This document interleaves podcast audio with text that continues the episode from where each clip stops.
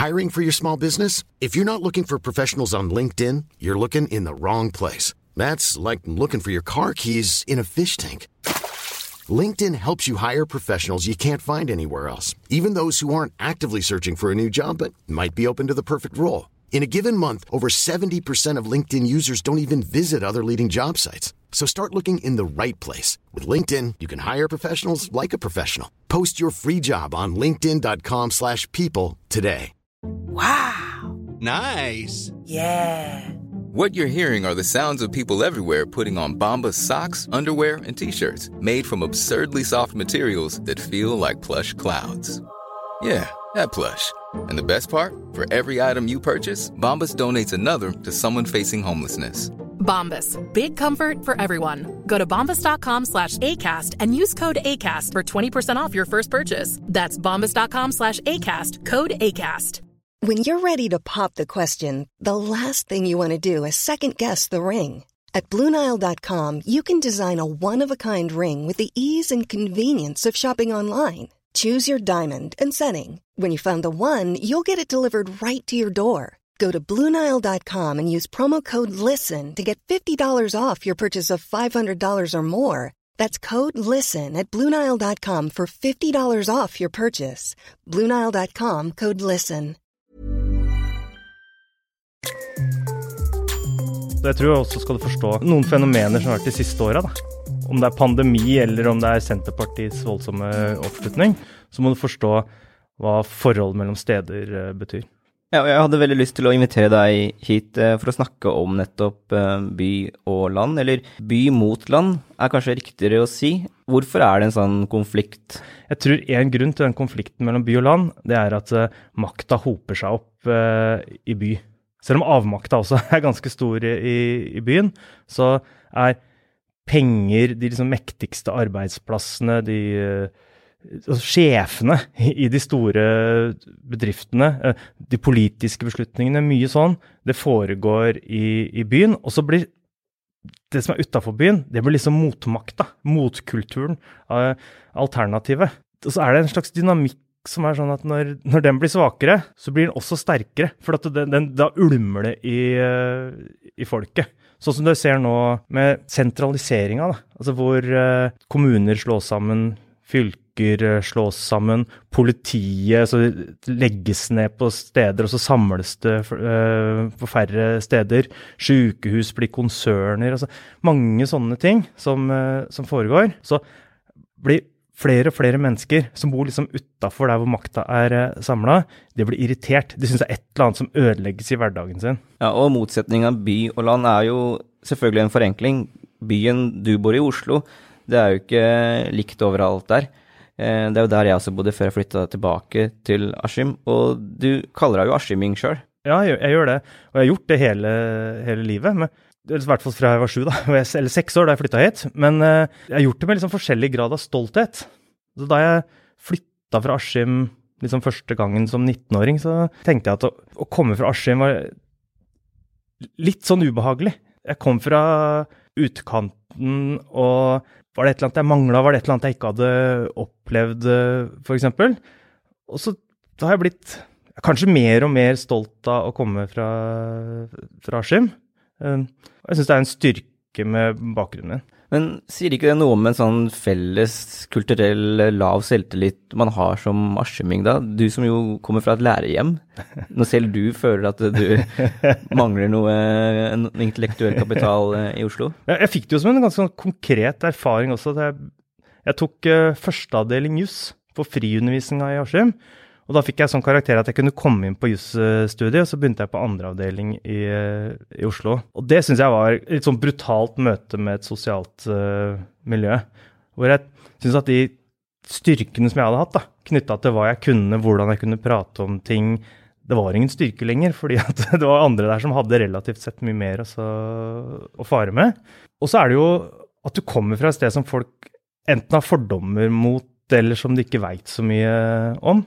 Og så er det indre enfold-begrepet disk diskuterer dere sikkert stadig her. Også at du, du mangler liksom noen kunnskaper om, uh, om, verden. Du jobber jo mye med omdømmebygging også. og underviser i markedsføring. Eh, Når det gjelder da f.eks. begrep som indre enfold, bare for å ta det, da. Hvor kommer det fra? Hvor kommer den fortellingen fra? tenker du, og hvordan kan man snu den? Jeg tror den kommer ifra den rollen som Indre Østfold, sammen med ganske mange andre steder som har ligget omtrent sånn til uh, overfor Oslo, har hatt, kanskje særlig i uh, Oslos sosiale liv. Altså det er, det er folk som har kommet inn for å jobbe som hushjelp, for å jobbe som industriarbeidere, som har vært litt sånn tjenere og ufaglærte arbeidere, og som borgerskapet i byen har blitt betrakta som enkle, som noen som de kan herse med. Og de har også vært prisgitt penger, f.eks. altså de jobbene som de har blitt uh, tilbudt. Og da har det blitt sett ned på. Så jeg, jeg, tror det er det. Altså det er noen som du har hatt lov til å se ned på pga. dialekta som de har, pga. bakgrunnen uh, som de har, pga. avmakta som de har. Og selv om det ligger 120 og 100 år og 80 år tilbake, så sitter sitter det i kulturen, og det sitter ikke bare da i den f.eks. Eh, mindreverdige plassen som Indre Østfold-dialekta har i språkhierarkiet. Det sitter også igjen i den sjølfølelsen som folk uh, har. Og du må jobbe litt med å få opp stolthet når det har vært i en sånn plass som har uh, hvor det har vært mangel på, på stolthet. Du flytta ut fra Askim når du var 19, sa du. Og jeg vet ikke om du også vokste opp i et hjem hvor man omtalte Oslo som byen, bare? Det var dit pappa dro på jobb og pendla i, i 50 år. Ikke helt. Jeg har også hatt slektninger som har, kalt, har snakka om Askim som Askimbyen. Lenge før uh, det fikk bystatus. Da har jeg hatt Askimbyen skole også. Men jeg har jo tenkt Jeg har jo forholdt meg til Oslo som et sted som er liksom å strebe etter. Jeg husker jeg gikk på videregående skole, så dro jeg til Oslo og handla for liksom å ha klær som de ikke hadde på butikken i, eh, i Askim. Den er klassisk. og ja, da vi dro på leir, Jeg dro på leirskole da jeg gikk i sjette klasse. Og da plukka vi opp uh, Ila skole, altså en klasse fra Ila skole, på mm. veien. Og jeg husker vi så veldig sånn opp til dem. Og de hadde snekkerbukse, som vi ikke hadde hørt om at de ikke hadde noe ha, og så var det kult uh, appåtil. Og de hadde sånne uttrykk som vi syntes var kule, og de hadde sånne dataspill som vi ikke hadde sett. Sånne håndholdte dataspill. Så vi klarte å bli venner med dem, da, men vi hadde en liten sånn følelse at dette her var noen som lå foran oss uh, på en sånn, altså i, i samfunnet, på å følge med på det som skjedde i tida. Ja, men er det sant? Er det sant at uh, impulsene og trendene kommer først i byen? Det er nok delvis uh, sant. Det er sant på musikksmak, på politiske meninger ikke alle politiske meninger, da, men altså det, elitens politiske eh, meninger. Du har jo den som kalles for diffusjonsprosessen. Det er sånn moter og språk og sånn eh, sprer seg. Og da starter en god del av de prosessene i byen. Hvorfor er det viktig, da, å være først ute med det siste? Har det noe å si? Som ung i Askim i Indre så har det jo noe å si, åpenbart. Da, da, var jo kanskje noe av det aller tøffeste hvis du hadde en slektning eller en, en venn i, i Oslo. Da, da, hadde du virkelig en en gullgruve av uh, kulturell kapital. Alle disse tingene har jo selvfølgelig ikke noe å si. altså det, ha klærne, for, eksempel. Men uh, sånne ting kommer jo i pakker, da. Altså du har du veit hvilke klær som gjelder, og så veit du hvilke meninger som gjelder, og så har du tilgang til de menneskene som gjelder, og så plutselig så får du tilgang til makt. Øh, ved det også. Altså ikke plutselig, da, men det er jo fordi du kjenner de menneskene som, som er portvoktere. Kunstlivet, da. Så er det sånn at skal du være inne, så må du få være med på de riktige utstillingene, og så må du få de riktige bevilgningene. Og, og hvem er det som sitter i de komiteene som bestemmer hvem det er som skal få penga? Jo, det er disse, som f.eks. har kontroll over de intellektuelle strømningene og begrepene som er i kulturlivet.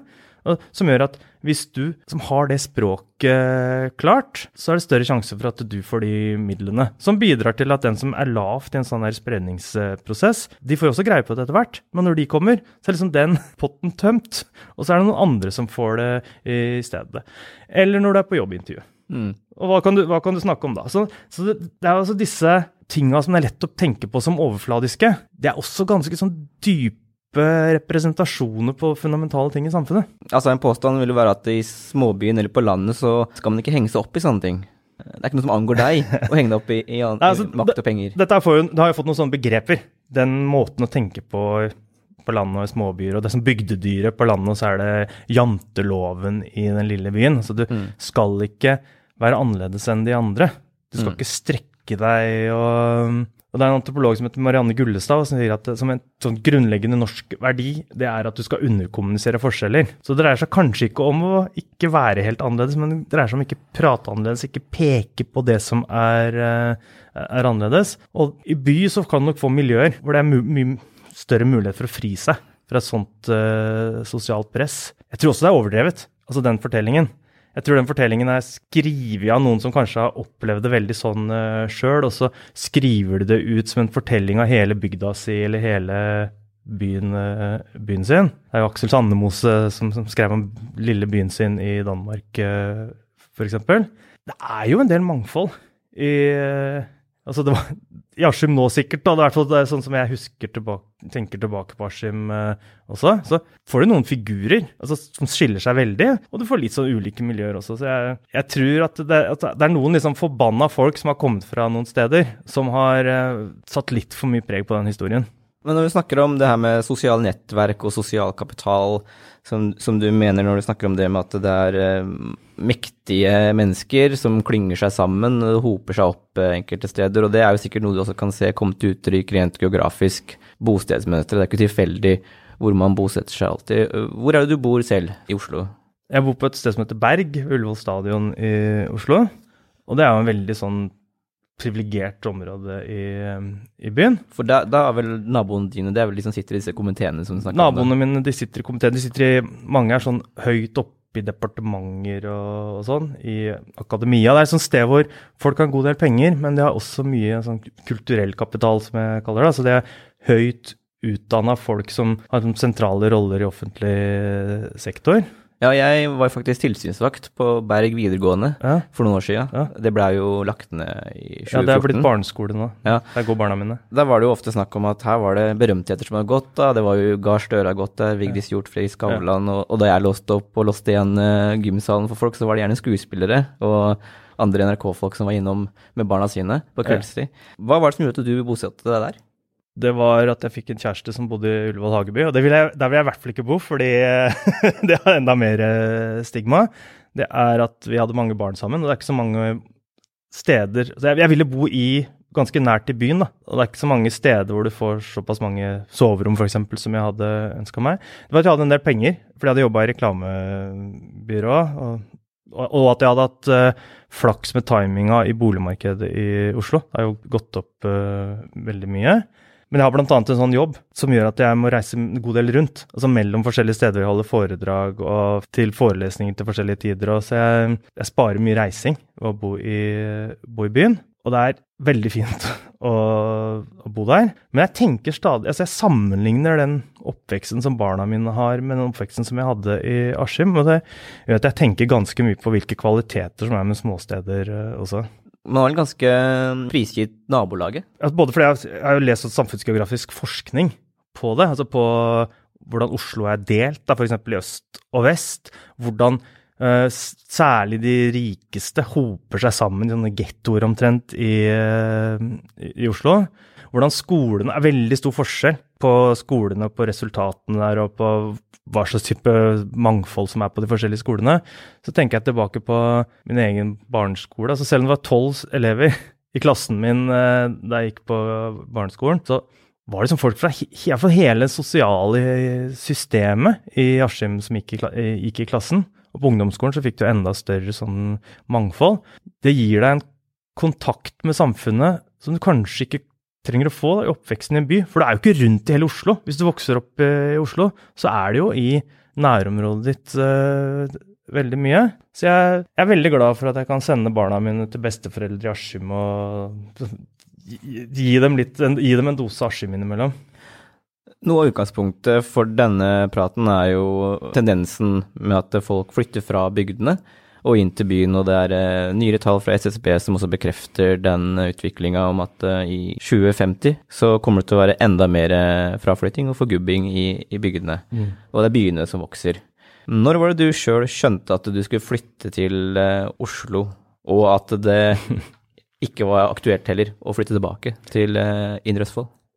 Vet ikke om jeg noen gang skjønte at jeg skulle flytte til Oslo akkurat, uten at jeg gjorde det på, i studiene. Så jeg flytta litt fram og tilbake mellom Oslo og Askim eh, opp igjennom. Eh, men jeg tenkte nok litt at jeg skulle ut. Jeg skulle liksom ut i verden.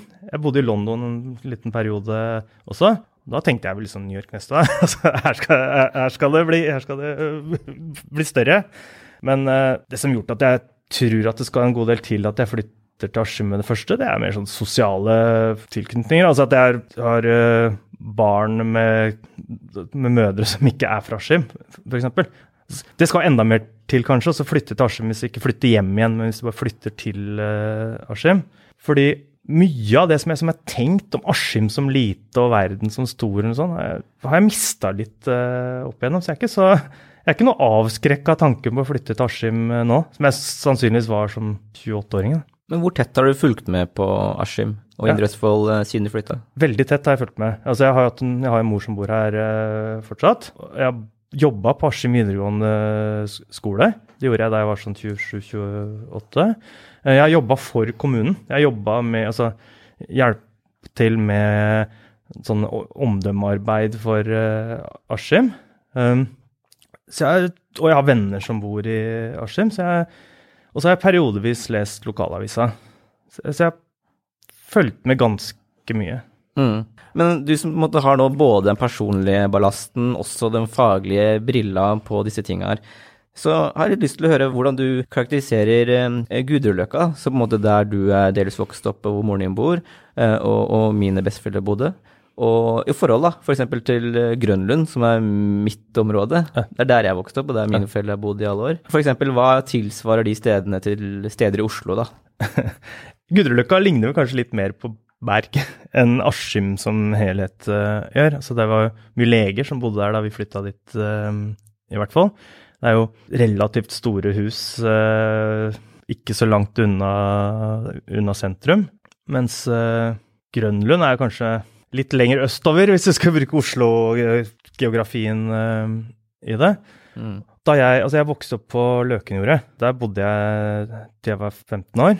Og der var det sånne firemannsboliger, og så var det noen villaer. Og vi flytta inn i en tomannsbolig i den ene etasjen, og så etter hvert så kjøpte foreldrene mine hele, hele, huset. Og der var det jo sånn at i firemannsboligen så var det veldig mange som var kobla til vikingjobbing. Det var jo fabrikkarbeid, liksom det som Da var det ordentlig, men det var arbeiderklasse i, i Askim. Så, så Grønlund har ikke vært så mye fabrikk... Nei, jeg mener Gudreløkka som ikke har vært der fabrikkarbeiderne har, uh, har, bodd. Det har vært noen andre sånne sånn, Hva heter det for noe nedenfor bassenget der, f.eks. Det har vært flere sånne områder i Askim hvor funksjonærene har bodd, hvor handelsstanden har bodd, altså de som har hatt uh, butikker. Hvor de som har vært høyt oppe i sykehushierarkiet har, uh, har bodd. Så du ser jo Det er ikke sånn at Askim er, er ikke sånn at alle er like i det hele tatt i Askim, men alle hopes liksom oppå hverandre. Alle må forholde seg til hverandre. Alle sitter på legekontoret sammen. Alle har barn på skolen og møtes på skoleavslutningen. Alle står og ser på julegrantenninga. Det er ikke julegrantenning i Ullevål Hageby, det er julegrantenning på torget i, i Askim. Eh, sånn at folk må oppføre seg litt, da. Altså, sånn at de hierarkiene som alle veit, og du ser når du får skattelisten og sånn, de skal liksom ikke helt vise seg i, i, hverdagen. Men er det også en liten sånn hake ved det at man lettere vokser opp og innbiller seg at alle er litt likere enn de egentlig er? Mens i Oslo så vokser noen opp på Stovner, og noen vokser opp eh, i Ullevål Hageby. Jeg tror motsatt. I Ullevål Hageby så kan du gi penger til Røde Kors. Aktiv, altså kan du være aktiv i Nei til eh, rasisme. Og så kan du dra og jobbe i, på barnehjem i India. Og så kan du tenke at jeg ser ikke forskjell, jeg. Jeg behandler alle likt, jeg. Så har det aldri vært omtrent på Stovner og, og østover. Mens i Askim så er du hjemme hos folk som bor ganske annerledes enn deg. Du hører foreldrene deres eh, snakke. Du merker hvem som har penger, og hvem som ikke har uh, penger. Så jeg, det er ikke sikkert at du tenker på det som klasseforskjeller. altså Det kan fort at du tenker på det som at folk er uh, forskjellige, men det gir deg en sånn erfaringsbase som du kan se bedre etter hvert. Så jeg tror at den derre eksponeringa for ulike folk, som i hvert fall Askim uh, gir, altså sånne steder som er såpass mangfoldige som Askim, fordi de har mye institusjoner og arbeidsplasser og sånn, men såpass små at alle må være oppå hverandre. Altså, den erfaringa der den tror jeg er fin å ha med seg for å forstå mangfoldet i, i samfunnet. Når det gjelder akkurat det med å flytte på seg, så er jeg veldig, veldig fascinert av et uttrykk om at vi i dag har føtter og ikke røtter. Er det en påstand som du er enig i? Jeg kjenner den fra Thomas Hylland Eriksens bok, den, den påstanden der. Han var vel litt sånn svær med på 80-tallet. Jeg er uenig på en del måter. Jeg er litt uenig fordi at det er ikke bare nå, da. Altså, folk har hatt uh, føtter lenge. Altså, tenk på migrasjon til Amerika f.eks. på 1800-tallet. Altså, folk har kunnet flytte på seg. Og på 1800-tallet så var det inn til byen for å bli industriarbeidere, og så var det til uh, Amerika. Og så har folk fortsatt røtter. Altså, hvor er du fra? er et viktig spørsmål fortsatt når du skal snakke med andre, men også hvor er jeg fra?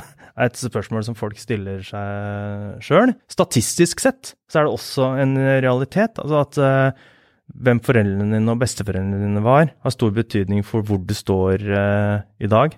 Hva du mener, uh, hvor mye penger du har, hva slags utdanning du har. Altså Der det kanskje stemmer mest, det der, det er på egenforklaringa som folk har. De sier at 'jeg er bare meg sjøl'. Jeg har bestemt det sjøl. Altså, for det er veldig mange sånne, sånne, sånne psykologiseringer, da, veldig mange sånne forklaringer som folk tilbys, hvor de skal forklare seg sjøl gjennom et eller annet som bare ligger inni den uh, de er, mens de analytiske forklaringene veldig ofte ligger utenfor. Men er det ikke derfor også det er litt sånn befriende å flytte til byen, Oslo, etter uh, videregående nesten på ren automatikk? Det at man på en måte kutter disse røttene. Man uh, luller seg inn igjen i ideen om at man har bare føtter eller vinger og kan dra litt hvor man vil. Du snakka om London og så New York neste. Ja, men det har, det har kanskje ikke så mye med vår tid å gjøre, det heller. Folk dro jo til sjøs før. Du kunne velge da, mellom å begynne å jobbe på fabrikken som 15-åring og så kunne dra til sjøs. Altså det å dra til sjøs, og alt det du kunne gjøre da, og den friheten og den storheten som du fikk av liksom å ha sett uh, havner rundt omkring i, i hele verden det, det fantes litt før uh, også. Og så når du drar til Altså når folk drar til byen, da, så møter altså Askim-gutta møtes jo fortsatt på julebord i Oslo før, før, jul. Ja, Har du det? Ja, Ikke i år, da, men vi har hatt det nå seks-sju år eller noe sånt. Jeg har jo hatt kontakt med masse folk i Oslo også. Hva, hva, hva går praten i da? Vi snakker om gamle dager. Om storhetstida, da, da vi var 17 og 18 og 19 og sånn. Vi snakker om hva vi gjør nå også. Og vi snakker også om liksom, hvordan vi er versus de andre. Altså Det kommer fra Askim, og hva det gjør med deg. Også. du beholder jo en sånn identitet som er stedstilknytta. Mm. Men uh, jeg har jo også hatt en gjeng med askiminger og idrettsfoldinger mm. som jeg har møtt uh, opp gjennom åra. Og min erfaring var at uh, det blei mye sånn jazzing utover kvelden, og jeg blei liksom ikke alt sånn veldig mye, mye klokere på hjemplassen, da. Og det var en av grunnene til at jeg til slutt måtte bare flytte tilbake sjøl og finne ut av det. Ikke bare sitte i Oslo og, og jazze over mange øl. Altså, det er jo ikke ment som fokusgruppe på hvordan Askim er. Når vi møtes, uh, det er jo for å Det er jo vennskapet som skal bekreftes. Men det er jo sånn at det som bekrefter vennskapet, er jo at vi er fra Askim, og at vi har liksom Jeg vet ikke om det er noe at vi har noe på hverandre, men vi har noen sånne erfaringer eh, som du ikke skal snakke om i andre steder. Som vi kan dele med hverandre. Som er liksom morsomt. Hva kan det være? Nei, altså hva som skjedde under festing, eh, f.eks. Sånn historier som ligger forut for det familielivet og det og jobblivet som vi har, uh, har i dag. De gærne gutta som vi kjente uh, før. Sånne sånne episoder som kan være hysteriske eller ganske morsomme når det foregår, og så er det litt sånn klamt uh, i etterkant. Bortsett fra når du etter tre-fire øl kan snakke med gutta fra Askim om det. Så dere kommer til å gjenoppleve og puste liv i disse storyene om 20 år, altså?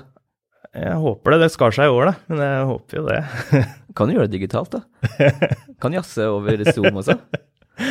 ja, det har, ikke, det har, vi, har vi ikke gjort, i hvert fall. Er det sånn at det er de faste, gamle spora det går i, eller er det sånn at også noen prøver å pirke litt borti ting og kaste et nytt lys over en hendelse, eller eh, rokke ved noen vante forestillinger dere har om hverandre eller dere sjøl og de gamle selvene? Jeg tror det blir mjukere i kantene, så det blir snillere etter hvert, som er litt uh, fint. Jeg tror ikke det blir slemmere. Jeg tror ikke vi, det, er ikke, det er ikke sånn film, da, møtes 25 år etter, og så liksom mobberen står fram og, og, og anklager mobberne. Eller, altså det, er ikke, det, er ikke, det, er ikke, den type ting. Det er, det er nesten overraskende snilt, uh, syns jeg. Hvis det kommer noe nytt inn, så tror jeg det er fra erfaringer som folk har. Folk gjør ganske mye forskjellige ting og jobber forskjellig og bor forskjellige steder og reiser rundt. Og så hører vi, og da blir vel kanskje Askim er der, for det de gjør, er oppimot at jøss, de kommer fra Askim, og så gjør de eh, det. Eller Sånn ville liksom gjort dette her i Askim. Altså det, sånn at det blir prat om det nye som skjer med Askim som et sånt felles referansepunkt. Tilbake til det med føtter eh, og røtter. En annen påstand. Før var identitet eh, noe du fikk, i dag skal du skape det. Og det taper distriktene på. Er det sant, tenker du? Nei, jeg tror ikke det er sant.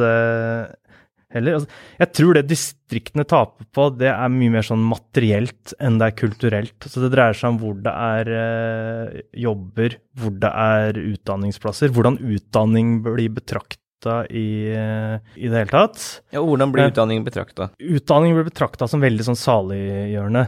Sist jeg tenkte på det, det var det jeg hørte statsministerens nyttårstale. så det, Nå er det kunnskapssamfunnet, vi må fortsette å bygge kunnskapssamfunnet. Og da er det studiepoeng. Nesten som en sånn hva skal vi kalle det, universalitet. altså som, som studie, Samme hva, da.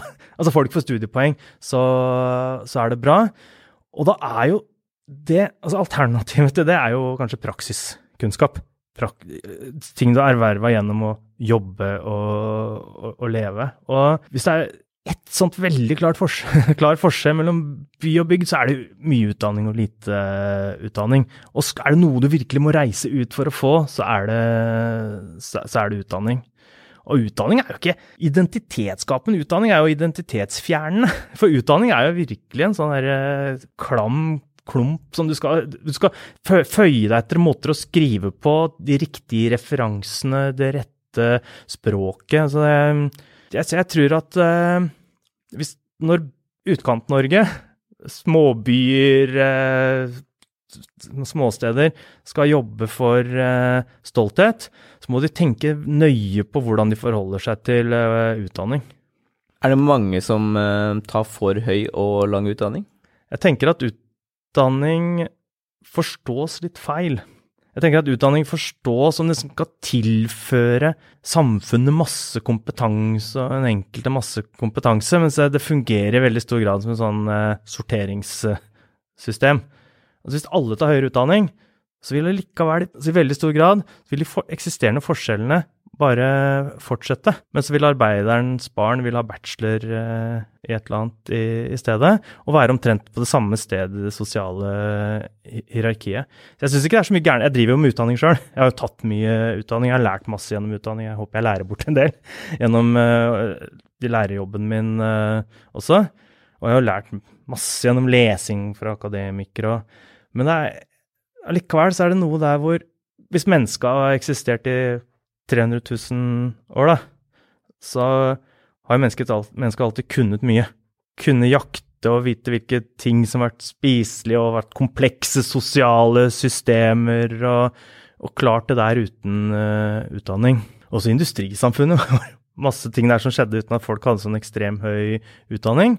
Og mange folk har lært mye og gjort mye og kunnet mye uten at de har høy utdanning. Men nå blir det sånn stempel. Altså hvis det står lav utdanning på det, Mm. Så, står liksom dårlig, så står det dårlig menneske også. Ja, hvorfor det?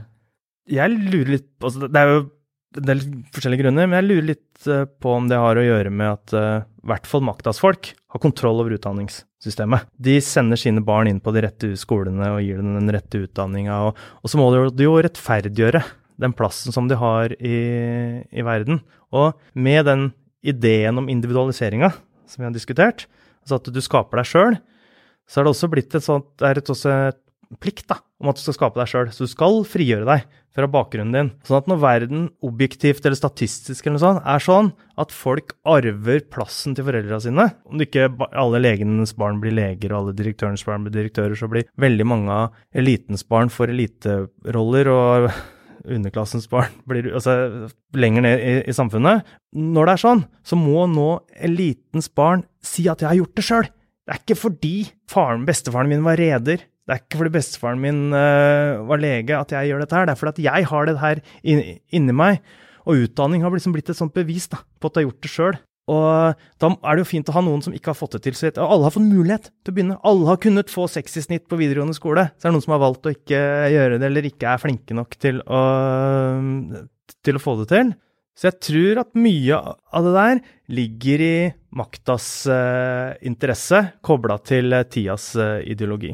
Jeg husker jo også det med f.eks. sløyd, for å ta det som et eksempel. Det var jo gjerne noe som ble brukt for å underholde de gutta som hang i gardina, som ikke var så boklig interessert eller flinke.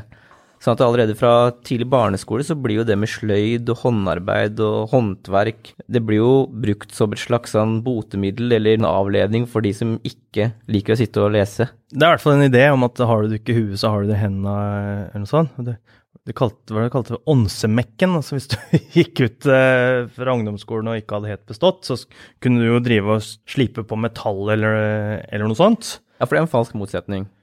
At du må eh, enten ha det i huet eller hendene. Ja, det er en, det er en falsk uh, motsetning. Så er det ofte det altså, når, de, Dem de har ment ikke har hatt i huet, har jo ikke hatt i familien. Sånn. Så det er andre ting som har ligget under at de har gjort det dårlig uh, på, på, skolen. Det at du liksom skal ha det i hendene, da.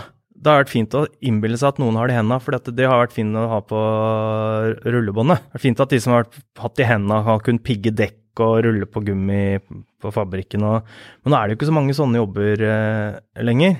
Så da får du en idé om at de er utadvendte eller noe, så kan de liksom bli selgere. altså, du, du, altså, du, får jo sånne historier som passer til altså, hva som er tidas uh, proletære jobber. Og også så blir jo altså, overklasseunga de blir jo eksperter på sånne eksotiske håndverk. De blir seilmakere, men også kunstnere. Da, er jo også fra, ofte fra privilegert uh, bakgrunn og skal ha dem i, uh, i henda. Og jeg tror jo i det hele tatt at delvis er det et gærent skille mellom å ha det i huet eller å ha det i hendene. Og delvis er det sånn at uh, mye av det du lærer, lærer du jo med å gjøre sånn inngrepen med hendene dine og huet ditt uh, samtidig. Det er jo det mennesker har drevet med i 300 000 år, uh, blant annet. Sånn at den derre intellektualiseringa og språklige vendinga som er via utdanning, at den skal være der fram til folk er 25-30 år, den tror jeg er som drepen også for den intellektuelle utviklinga til store grupper av befolkningen. Dessuten så er det jo sånn at også innafor altså de mest prestisjefylte områdene, så er det dem som kan det med henda, som har mest prestisje. Så kirurgen er som arkeeksempelet på det, og kunstneren er et annet uh, eksempel på det. Første generasjon skaper penger, andre generasjon forvalter dem, og tredje generasjon studerer kunsthistorie? Nei, det går på Kunstakademiet. ja, det er sånn det er, altså? Ja, nei, det er, nei, det er ikke helt sånn. For tredje generasjon arver også, men eh, det er overklassen for mange unger. Eh, Fortsatt? Delvis. Litt forskjellige, litt forskjellige, men de forskjellige gruppene så får de flere. Um, og da er det yngstemann og sånn blir kunstner. Altså det, er litt, det, er ikke, det er ikke direkte sånn at alle barna blir det. Du snakka om at du flytta til Oslo. Det var ikke nødvendigvis Oslo som var det spesifikke målet, men jeg fikk inntrykk av at det var en slags automatikk i det. Ja, så da, da tenkte jeg, nest, jeg tenkte nesten ikke å tenke på det, for jeg skulle ta utdanning. Ja. Det kunne nok blitt Bergen eller eh, Trondheim også. Det hadde ikke vært så helt sånn kjempeoverraskende, men du bare søker på studieplass, så er det fort at det blir eh, Oslo. Men tenker du at det er blitt for mye automatikk i det for de som bor eh, på bygda eller utenfor Oslo, da? Jeg syns vel ikke det er noe så gærent. Altså at, flytter, at folk flytter litt uh, på seg. Nei, jeg syns at folk flytter rundt i løpet av livet sitt, det syns jeg ikke nødvendigvis er så, er så dumt. Altså det er de kreftene som gjør at du suges liksom opp, som har med familieforhold å gjøre, med jobb og sånn å gjøre, det, det syns jeg er kanskje litt mer uheldig.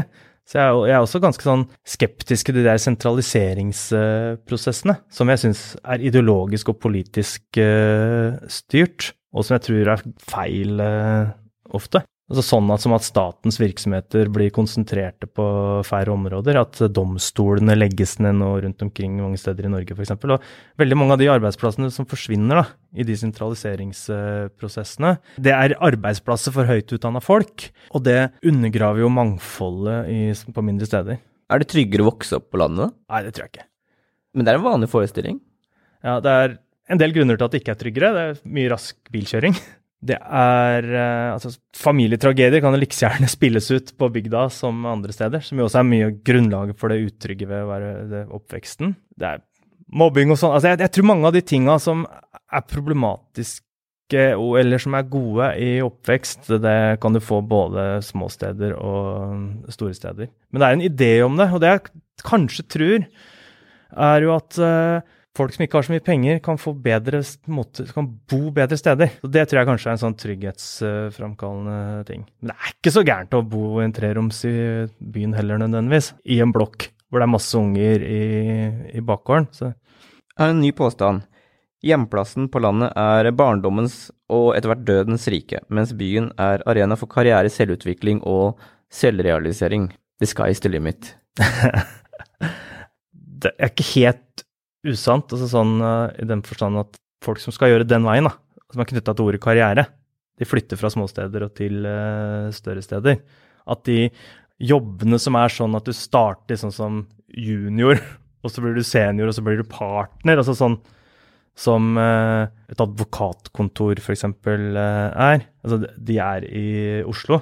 Eller at du blir byråsjef, altså sånn departementer og sånn er, så de er i Oslo og de større, sted, større stedene. Det er jo en sånn, sjøl, en sånn sjølrealiseringsspor som går tilbake, da. Kanskje det er ditt. Altså at du øhm, flytter med familien din til liksom et større hus, og så du, får du andre verdier, og så driver du med riding og natur, og så får du tid Det er ikke så mye stress, og du har tid til å kontemplere om hvem du sjøl er, og Så det er jo mange sånne jernban nedlagte jernbanestasjoner rundt omkring på østlandsområdet, og nedlagte skoler hvor det bor kunstnerektepar, øh, eller en kunstner og en advokat, eller altså så, så, sånne som også flytter ut uh, av Oslo. Men hva er uh, selvrealisering? Hva legger du i det? Noen ganger så er jo det sånn, selvrealisering og karriere er liksom det samme. Noen ganger så er det sånn at det brukes uh, av folk som ikke har fått til det karriereløpet som de har tenkt, og så skal de gå innover som i sin eget indre univers i, øh, i stedet. Det er jo noe fint i realiteten i det, at du, du bør prøve å ha en slags sånn eh, harmoni mellom den du syns du er, og det livet som du, som du lever. Det syns jeg jo alle bør ha mulighet til å etterstrebe i, i tilværelsen sin. Det er mer at jeg syns at begrepet er knytta litt sånn til Det er så ofte kobla til å vende seg vekk fra verden, og så gå inn i seg sjøl eh, i stedet. Det var jo aldri noe foreldrene mine snakka om da jeg vokste opp. Eh, For dem var det helt fremmed, og karriere var egentlig ganske fremmed, eh, og livsstil, for eksempel. Eh, Når, når kom det inn, og, og hva går det ut på?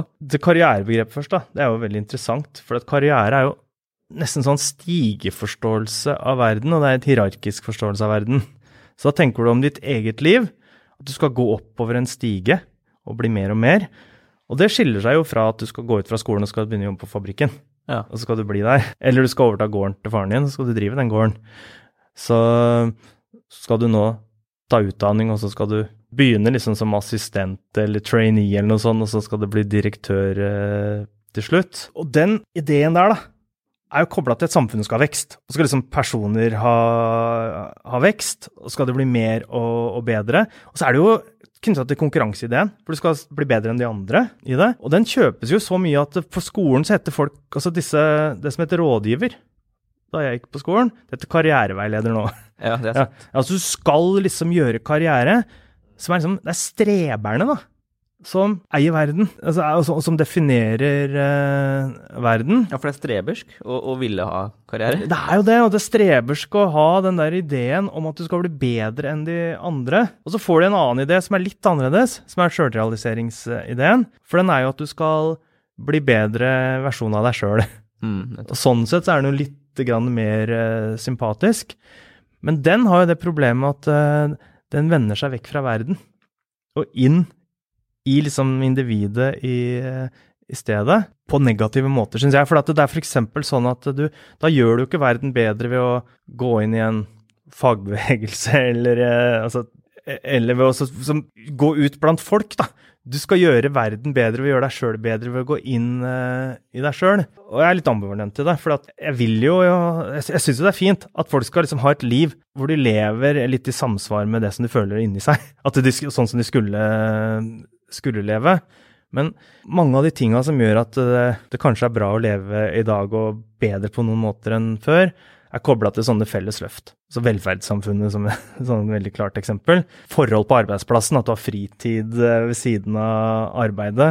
Likestilling blant eh, kjønn, homofiles rettigheter. Det er jo ikke kommet fordi en enkeltarbeidere har titta inn i seg sjøl for å liksom finne ut hvordan de skal være arbeidere, eller eh, folk har titta inn i sin egen seksuelle legning og så ikke gjort noe mer enn det. De har organisert seg også. Så jeg liker ikke den sjølrealiseringsideen fordi den jeg tror den, er u, den har liksom ikke noe realisme i seg. Så det var det tredje ordet du hadde, igjen. Livsstil. Livsstil, ja. Livsstil er litt uh, annerledes. Jeg, bruker, jeg driver jo litt med livsstilssosiologi. Og da blir jo sånn Hvordan er det folk eh, lever? Det blir jo litt annerledes når folk liksom skal bli typer. Og det tror jeg det er litt sånn ungdomskobla, uh, da. Om typer? Det, ja, du, du, er en du, goter.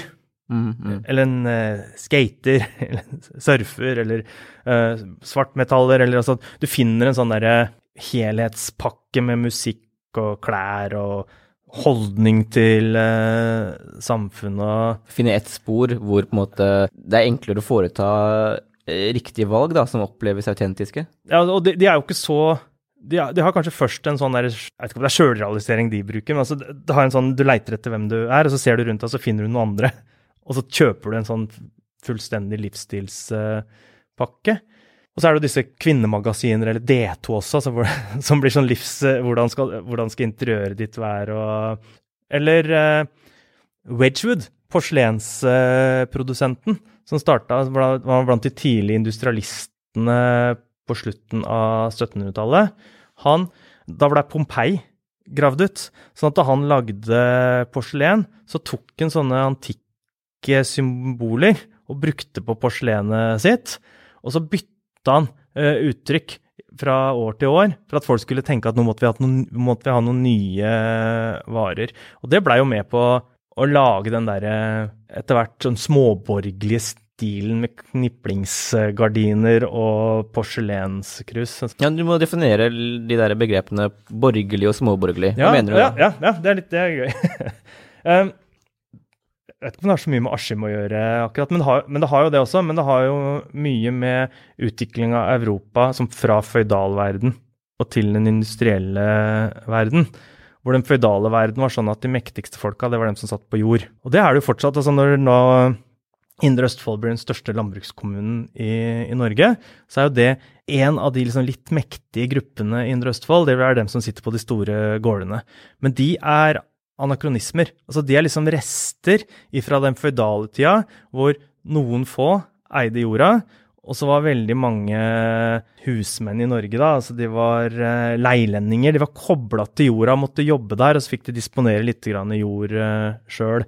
Og så fikk du rundt disse borgene, som var som fysiske manifestasjonene av makta, så fikk de jo håndverkere og sånn som bodde liksom beskytta av borgen, som ble borgerskapet. Og dette borgerskapet, etter hvert så begynte de å ansette folk og, og tjene penger, så tjene kapital, som er knytta til eh, kapitalismen.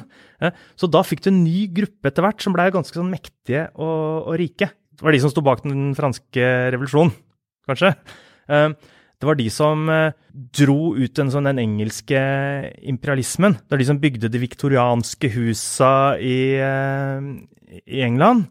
Og så småborgerne. Det blei jo da liksom de minst mektige av denne, denne klassen. Som også har Altså, det har vært en stor gruppe, som også har vært en stor sånn forbruksgruppe, som har stått for altså Kanskje det er den Margaret Thatcher kommer fra? Altså eie en liten butikk. Uh, ha ordentlig søndagsmiddag. ha pene gardiner. Være ordentlig, være rein, være, mye, være bedre enn arbeiderklassen. For det var jo stor, altså den store gruppa som hadde vært leilendinger, de begynte jo etter hvert å jobbe for storborgerskapet og de fabrikkene som de uh, eide, f.eks. Da har du også, etter hvert, selv om dette er mange århundrets eh, historie, så får du jo fabrikken i Askim, som er, er det 100 år siden den ble mm. etablert. Så får du da Hvem var det som ble arbeidere på fabrikken i Askim. Da hadde jo Norge hatt en sånn 50-årig eller noe sånn industrihistorie. Det var i stor grad dem som ikke eide jord, men som kom fra gårder. Altså Som var husmenn eller ikke var arving, altså ikke, var, ikke hadde odel. Eh, som blei da den nye ar- arbeiderklassen.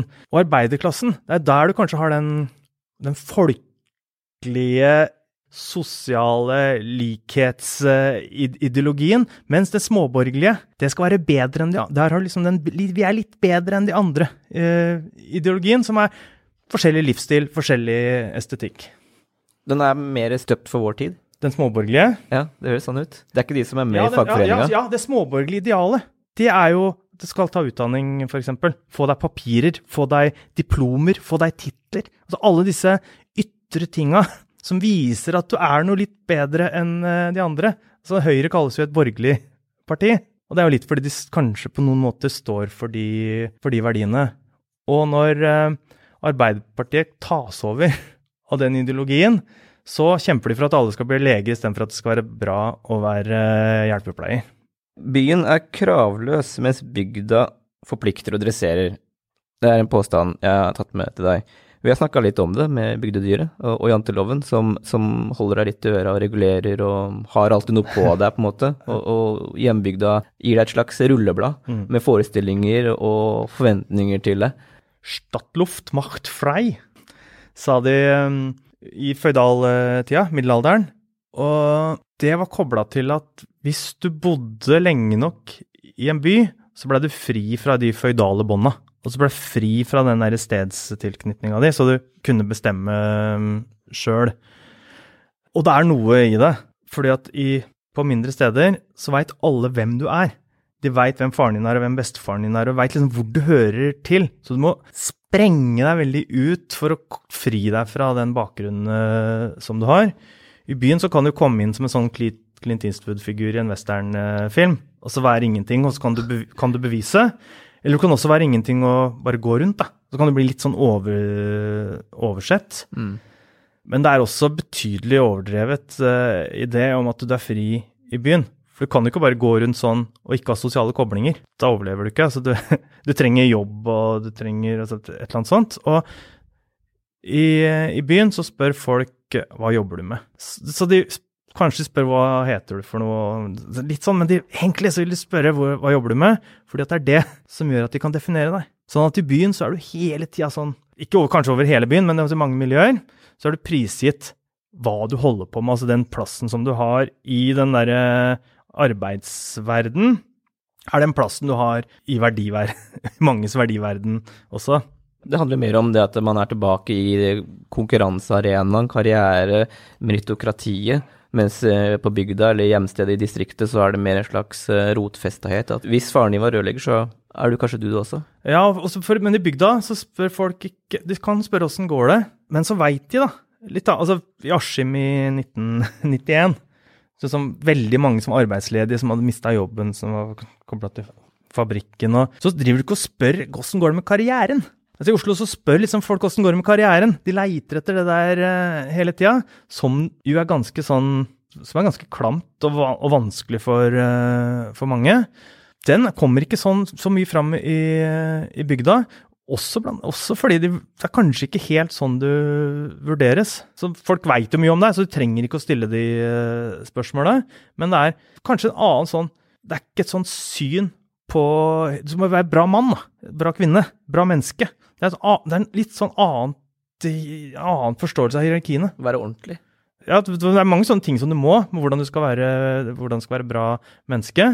Men det er ikke at du skal liksom være en karrierist. Men det skader ikke at du har en tittel eller et diplom. Ja, det, det stiller strenge krav til oppførselen din, hvis du har det. Hvis det er høyt oppe materielt eller eh, ja, altså i det samfunnshierarkiet, så må du være veldig nedpå i den sosiale omgangsformen. Å være som de andre. Du må, altså, du må, ja, så det kon- du må følge konvensjoner. Det er kanskje ikke, ikke skille deg ut. Eh, Så man blir mer konform, da, av, av å vokse opp eh, i småbyen og på bygda. Mm, nei, men du blir kanskje mer sensitiv for uh, annerledeshet. Og du skjønner at uh, fordi det er en sånn det er en annerledeshet som virker rundt oss hele tida, så må vi også ha noen likhets, uh, likhetspunkter. Og de må tvinges fram mer, mens i byen så er de der fordi at det er sånn sterk sånn sosial likhet på mange andre områder også i de boområdene, f.eks. At du trenger ikke også jobbe med det på den måten. Men når det er sånn at man har da flytta ut fra en småby som Askim, tatt seg høyere utdanning, og så kommer tilbake, og nå har jo du tatt deg en utdanning og jobber med noe som handler så mye om det samfunnsmessige og strukturer, og vi har snakka mye om sosial ulikhet, sosial reproduksjon, at du gjør det samme som foreldrene dine osv. Blir det sånn at når man da er tilbake, enten som tilbakeflytter eller eh, en som er på besøk, er det sånn at man får på en måte klassesamfunnet i en slags sånn buljongterning, og man ser også da gjerne med en slags sånn melankoli, da, hvordan ting reproduseres og gjentas eh, rundt det, mens du ikke gjør det i Oslo på samme måte, for du kjenner jo kanskje ikke bakgrunnen deres.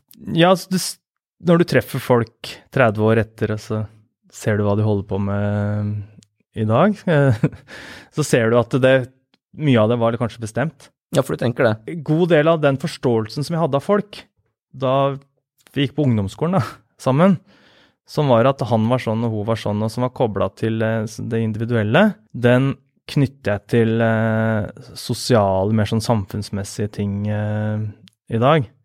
Og jeg syns jo ikke det er Det er som ikke bare gærent at arbeidernes barn blir arbeidere.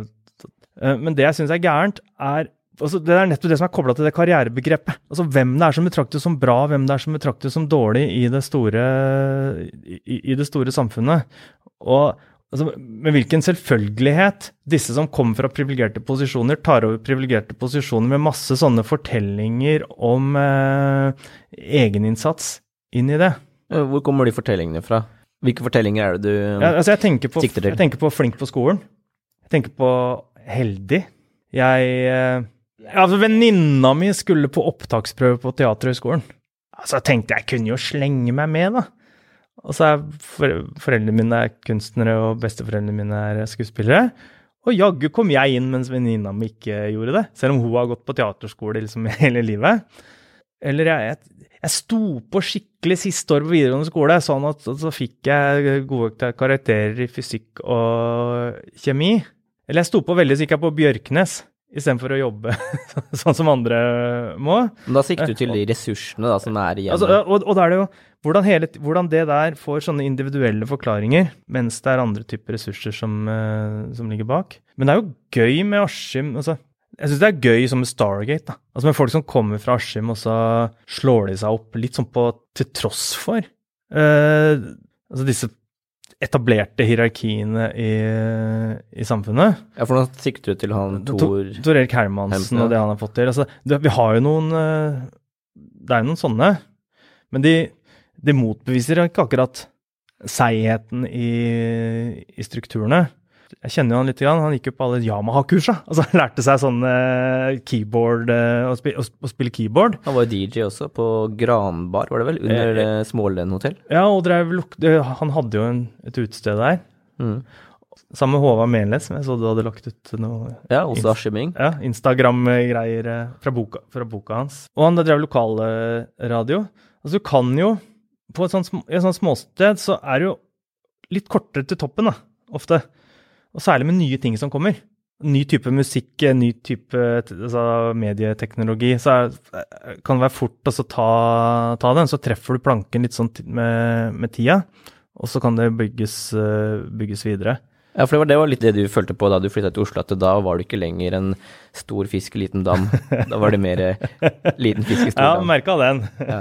Men, også, men, så etter hvert så skjønte jeg jo liksom at det er jo en styrke å ha med seg en annen type bakgrunn enn alle de andre litt sånn samme hva det er. Bare du klarer å skjønne det og være stolt over det istedenfor å være skamfull uh, over det, så er det en god del å hente der. Så jeg synes jeg har fått vel, altså, I den der jobbinga mi, da, med å prøve å forstå samfunnet og samfunnsutviklinga, hva som har skjedd da, så det er både den konkrete erfaringa som jeg har fra Askim, og den kunnskapen jeg har om hva som har skjedd med Vikingfabrikken, og hvordan den har blitt flytta til Malaysia, f.eks., og hvordan den ble kjøpt opp av svensker som ble kjøpt opp av tysk altså, det var Gislaved som igjen ble kjøpt opp av Continental. altså De prosessene her. Mm. Uh, så er det veldig sånn konkrete personlige referanser som jeg har kunnet putte inn i de mer sånn uh, teoretiske uh, ideene om hva som skjer i verden.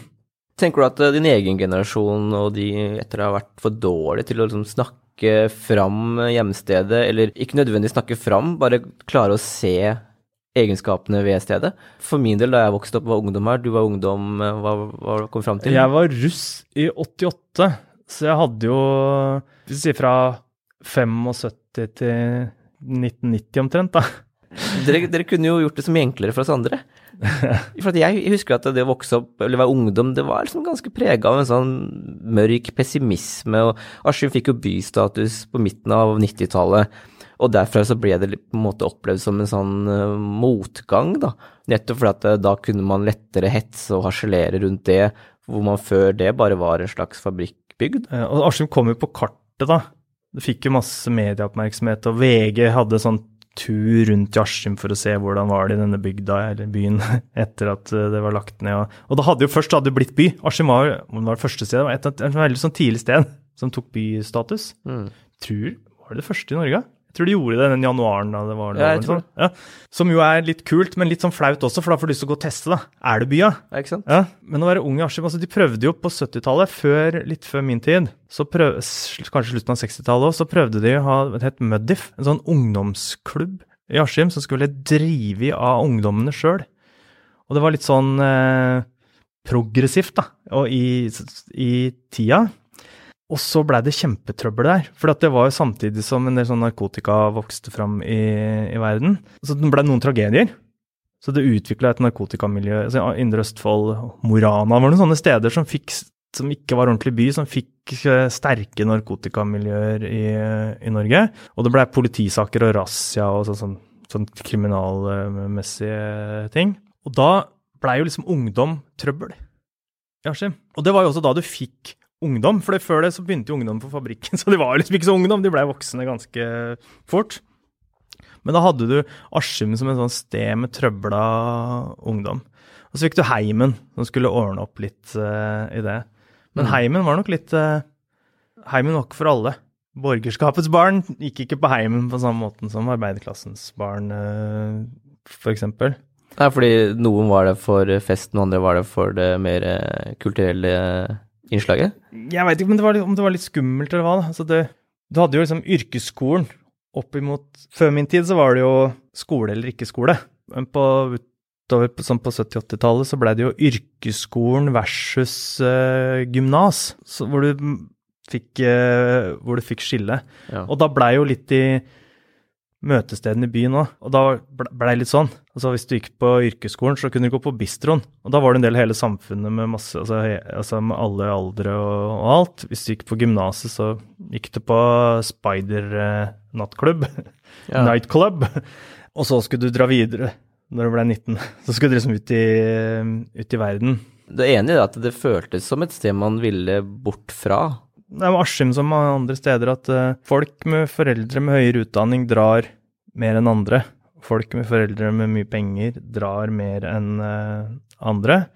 Så Askim Så idet du liksom tar ordet karriere i munnen din og tenker at det er for meg, så blir Askim et sted som du skal eh, vekk fra. Og det tror jeg ikke det er så lett å gjøre noe med, men du kunne jo kanskje tenke at Askim var et sted hvor du skulle tilbake til også. Det er jo det du demonstrerer, og som interessante arbeidsplasser eh, kan gjøre, og, som gode bosteder kan gjøre også med tanke på hvor nærme det er Askim ligger eh, Oslo. Jeg tror at noe av det som skjer nå under koronaen, er at det utvikles litt nye måt arbeidsmåter. Altså hvor eh, du kan jobbe et sted, og så kan du bo et annet sted, og så slipper du å dra inn på arbeidsplassen hele tida. De snakker om det i byutviklinga, om at du skal ha sånne 15 minutters boområder. Altså at alt du trenger skal være innen 15 minutters avstand. Og hvis det også blir arbeidsstedet ditt, selv om liksom hovedkontoret er i Oslo, så vil jo Askim bli et mye mer interessant sted å bo. Folk slipper å ta buss for tog og de, de greiene der. Men jeg veit ikke om min generasjon kan klandres for hva vi Vi var jo et offer, vi var jo et offer for det som lå, var forut uh, for oss. I hvert fall blant dem jeg har kontakt med, så er det mye Askim-stolthet. Det det er ikke noe altså, Den skammen som jeg snakka om, som du, ja, som du har Som jeg tror kanskje en god del av oss hadde som 18-19-åringer, den fins ikke, finnes ikke lenger. Men, men jeg har fått litt inntrykk av at eh, selvfølgelig er det her sikkert mer utbredt som et sånn typisk Distrikts-Norge-fenomen, men det har vært en sånn, ja, helt siden deg og dine, har vært en veldig sånn flåsete, ironisk eh, type sjargong rundt hjemstedet. Typisk da, hvis man eh, får spørsmål hvor kommer du fra, så sier jo gjerne askimmingen et eller annet om at eh, det er ikke akkurat verdens navle. Det har jeg aldri sagt, i hvert fall. Det er typisk frase man kan si. Ikke? Man sier ikke hva det er, men man sier det er ikke akkurat verdens navle.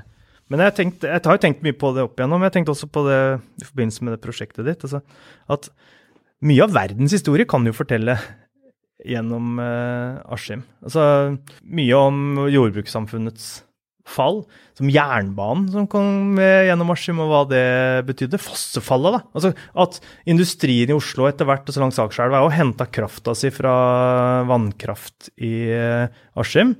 Altså gummifabrikken. Betingelsen for gummifabrikken var jo gummi, blant annet. Som kommer fra gummifarmer i Asia særlig.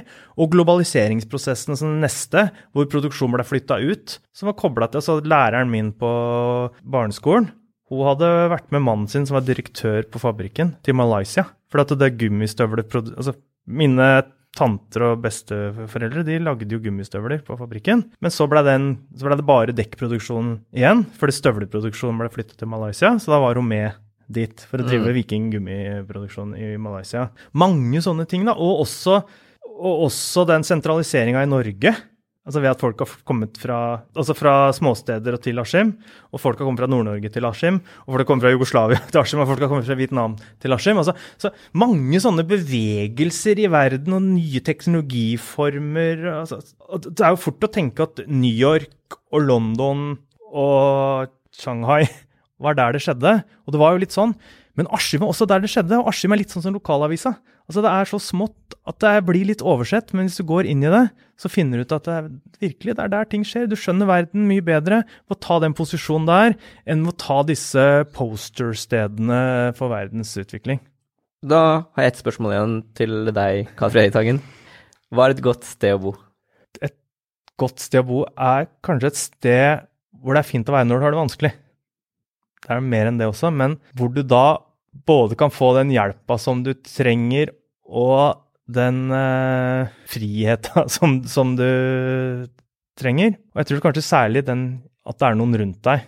Og et sånt sted tror jeg det er lettere for Askim å være enn eh, Altså, jeg tror det er lettere for Askim være et sted som kan balansere det, det der litt. Såpass stort at du kan være litt fri, og såpass smått at det vil være noen rundt deg som eh, kan stille opp. Carl Fredrik Tangen, tusen takk for praten. Takk.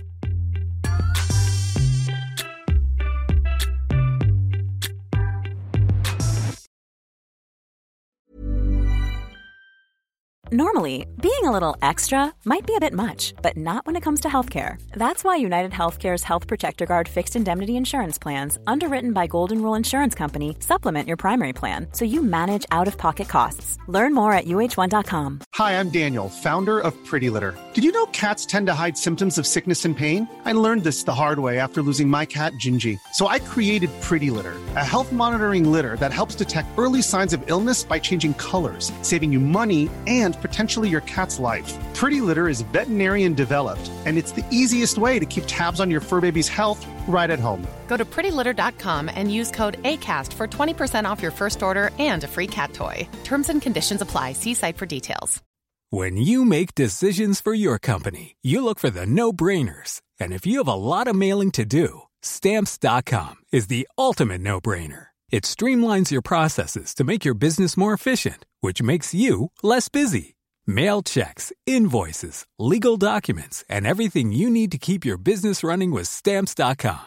Seamlessly connect with every major marketplace and shopping cart. Schedule package pickups and see your cheapest and fastest shipping options from different carriers. With rates up to 89% off USPS and UPS rates. And with the Stamps.com mobile app, you can take care of mailing and shipping wherever you are. Make the same no-brainer decision as over 1 million other businesses with Stamps.com. Sign up with code PROGRAM for a four-week trial, plus free postage and a free digital scale. No long-term commitments or contracts. That's Stamps.com. Code PROGRAM.